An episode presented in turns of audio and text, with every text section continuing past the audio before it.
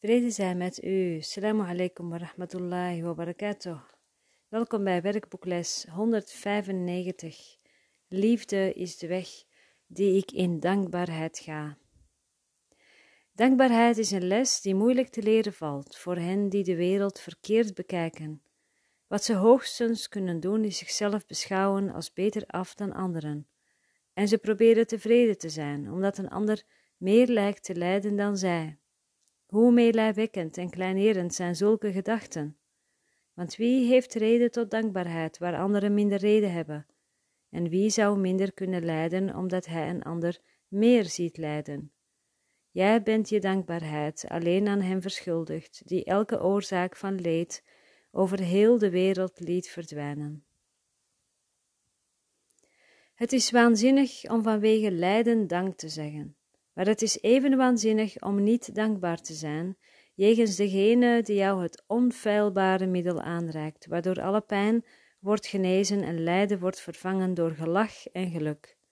Evenmin zouden zij, die zelfs maar ten dele bij hun verstand zijn, kunnen weigeren de stappen te zetten die hij aangeeft en de weg te volgen die hij voor hen uitzet, om zo uit een gevangenis te ontsnappen, waarvan ze dachten dat hij geen deur bezat naar de bevrijding die zij nu zien. Je broeder is je vijand, omdat jij in hem de rivaal voor jouw vrede ziet. Vijand tussen aanhalingstekens. Je broeder is je vijand, omdat jij in hem de rivaal voor jouw vrede ziet, een plunderaar die zijn vreugde van jou rooft en jou met niets anders achterlaat dan een donkere wanhoop, zo bitter en meedogenloos dat er geen hoop overblijft. Nu is wraak het enige wat er nog te wensen valt. Nu kun je slechts proberen hem neer te halen om samen met jou, even nutteloos als jijzelf, neer te liggen in de dood met even weinig in zijn graaiende vingers als in de jouwe. Je biedt God jouw dankbaarheid niet aan omdat je broeder meer slaaf is dan jij. Nog zou je verstandigerwijze in woede kunnen ontsteken als hij vrijer lijkt. Liefde maakt geen vergelijkingen. En dankbaarheid kan alleen oprecht zijn als die met liefde geschiet. We danken God onze Vader dat in ons alle dingen hun vrijheid zullen vinden. Het zal nooit zo zijn dat sommigen worden bevrijd, terwijl anderen gebonden blijven. Want wie kan in de naam van liefde marchanderen? Zeg daarom dank, maar in oprechtheid, en laat jouw dankbaarheid ruimte maken voor allen die samen met jou willen ontsnappen de zieken, de zwakken, de behoeftigen en de angstigen, en zij die rouwen om een ogenschijnlijk verlies, of die schijnbare pijn voelen, die kou of honger lijden, of die de weg van de haat en het pad van de dood gaan. Al deze gaan met jou mee. Laten we onszelf niet met hen vergelijken. Want zo splitsen we hen af van onze gewaarwording van de eenheid die wij met hen delen, zoals zij die noodzakelijkerwijs delen met ons. We danken onze Vader voor maar één ding, dat we van niets dat leeft gescheiden zijn en daarom één zijn met Hem.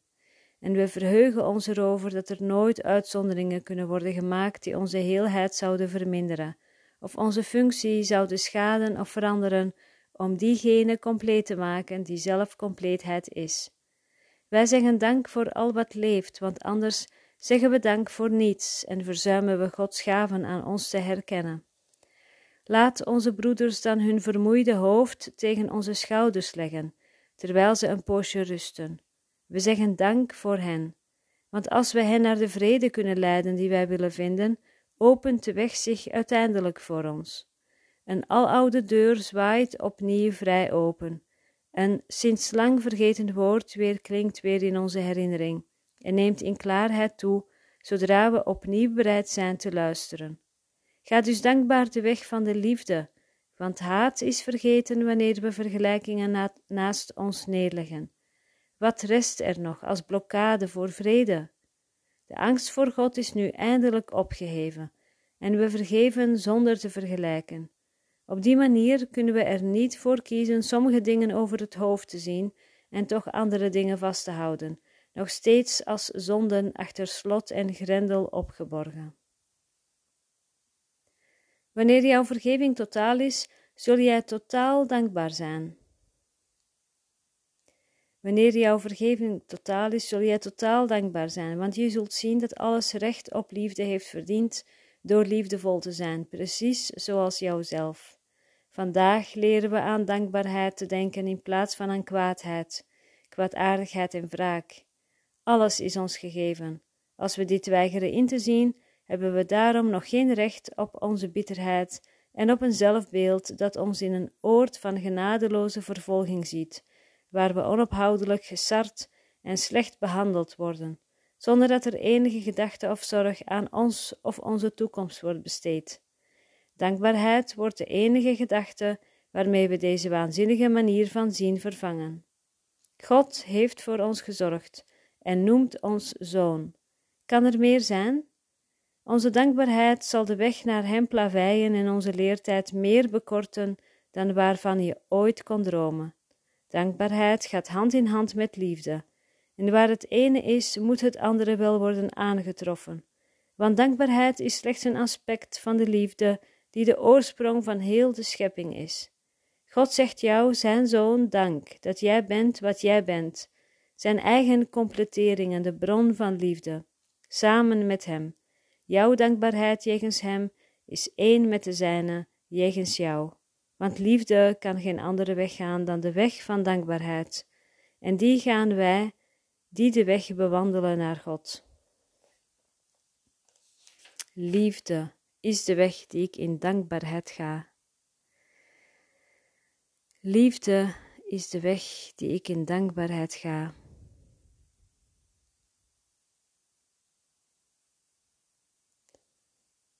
Liefde is totaal, is compleet. In liefde is er geen angst en onzekerheid en twijfel.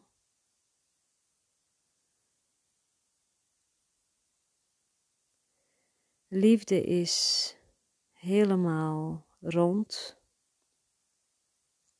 Het heeft niets nodig, het is.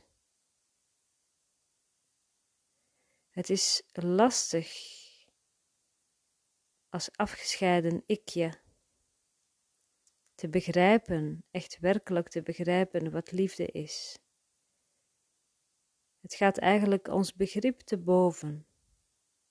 Wat we wel heel goed weten, voelen en waarnemen, is wat geen liefde is. De spanningen in het lijf, de gedachten die maar doorgaan, de controle, het proberen het leven te beheersen, de oordelen naar binnen toe en naar buiten toe. Dat kennen we maar al te goed. En we kunnen spreken over liefde en zingen over liefde, kunnen er eh, over schilderen en tekenen.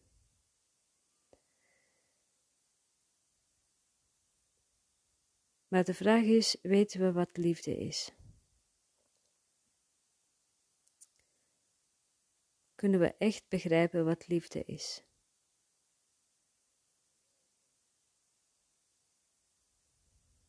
Kun je dit toelaten, deze vraag open laten.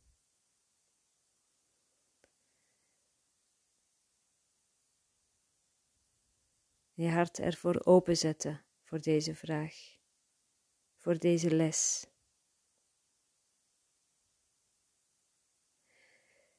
Kun je in het niet weten vertoeven, een simpelweg toegeven, ik weet het niet, vader. Ik weet het niet, vader. Ik weet niet wat liefde is. Ik weet niet wat liefde is. Als ik wist wat liefde was, dan zou ik niet op zoek zijn, dan zou ik niet verdwalen, dan zou ik geen illusies najagen, dan zou ik mezelf geen pijn doen. Maar blijkbaar kies ik voor afscheiding en pijn, dus ik weet niet wat liefde is. Ik denk dat liefde wordt gevonden in tijdelijkheid, in een lichaam.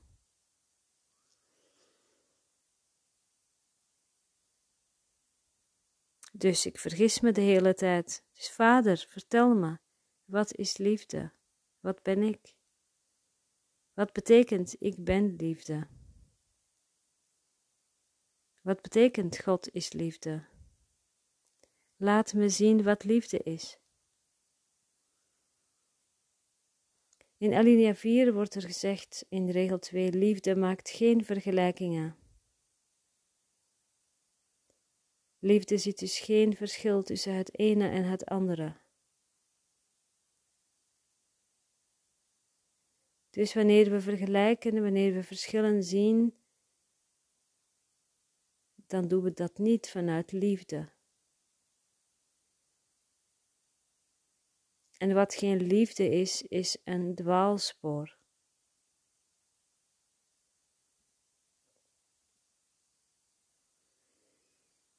Dankbaarheid en liefde gaan samen.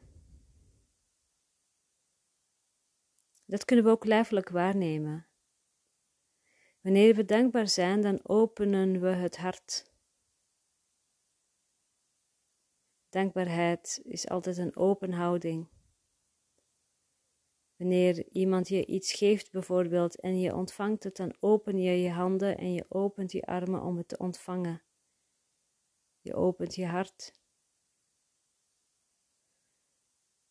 En het is alleen in een open hart waar je lief kunt hebben, waar liefde kan stromen.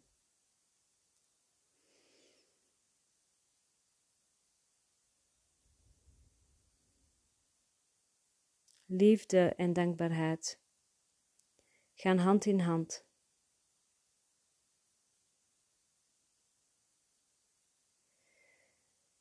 Liefde maakt geen vergelijkingen. Die is zo krachtig. Het is deze regel die mij opvalt in deze hele les van twee pagina's. Er zijn heel veel mooie zinnen. Alles is krachtig, maar deze, deze zin springt er voor mij uit. Liefde maakt geen vergelijkingen, omdat het je heel snel naar de kern brengt, namelijk wij zien verschillen, wij zien lichamen en wij vergelijken, wij zien situaties die verschillen, omstandigheden die verschillen.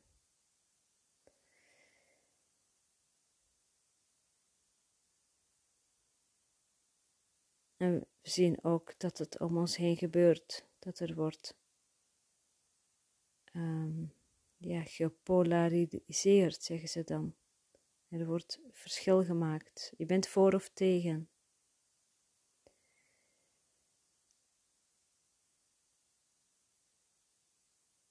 Oh, ik mag niet klagen, want ik heb gelukkig nog een baan. Of die mensen hebben helemaal geen werk meer. Of Oh, ik mag niet klagen. Ik heb gelukkig nog mijn gezondheid. Want die mensen die, die zijn ernstig ziek. Ik mag niet klagen. Ik moet dankbaar zijn voor wat ik heb. Want hij, zij hebben het niet zo goed.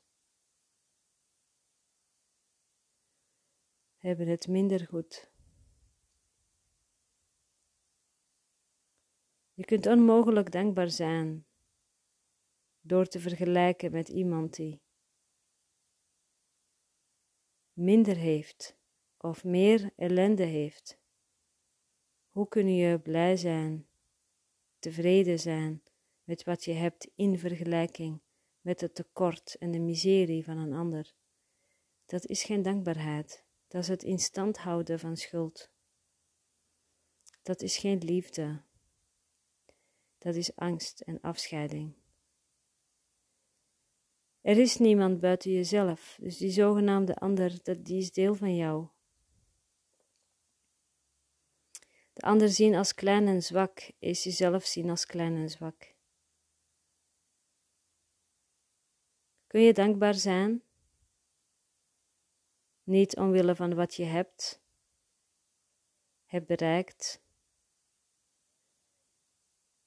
op verschillende levensvlakken. Kun je dankbaar zijn, simpelweg om wat je bent. namelijk denkgeest. Deel met God. Eén met God. Niet een lichaam, maar geest en vrij en vrije geest.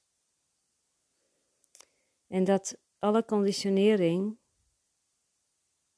nooit vat op jou kan hebben. Dat het verleden geen vat op jou kan hebben. Dat er in feite niets aan jou veranderd is, omdat jij eeuwig onveranderlijk bent. En jij bent de zoon van God. Wij zijn het zoonschap, zoals de cursus zegt. Denkgeesten die in feite één geest zijn.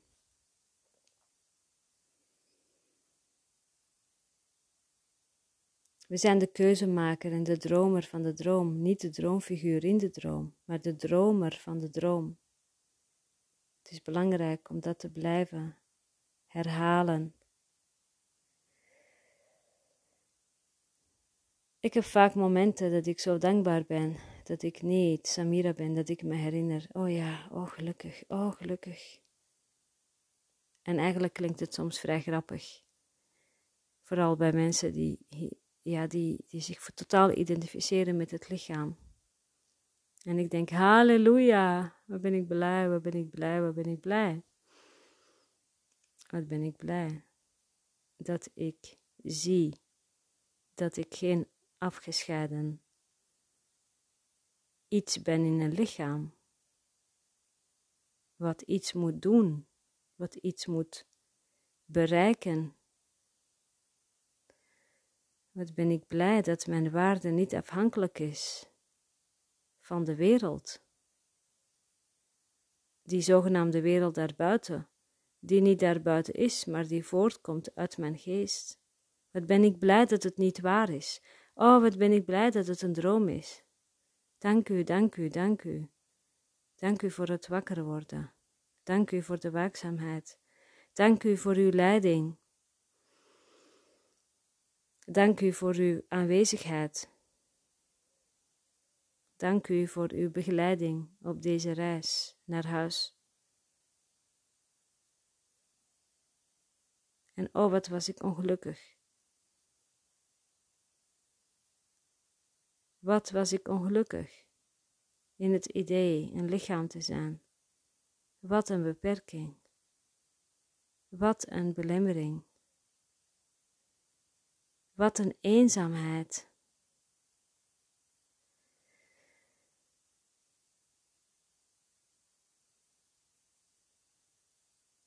Misschien herken je dit. Ik heb dit altijd eigenlijk al gevoeld. En de momenten dat ik er naar kon kijken, voelde ik vrijheid. De momenten waarop ik er niet naar kon kijken, maar waarop ik midden in de droom zat, voelde ik benauwdheid, voelde ik me gevangen en voelde ik ergens dat het ook niet klopte. Ik voelde dat het niet klopte.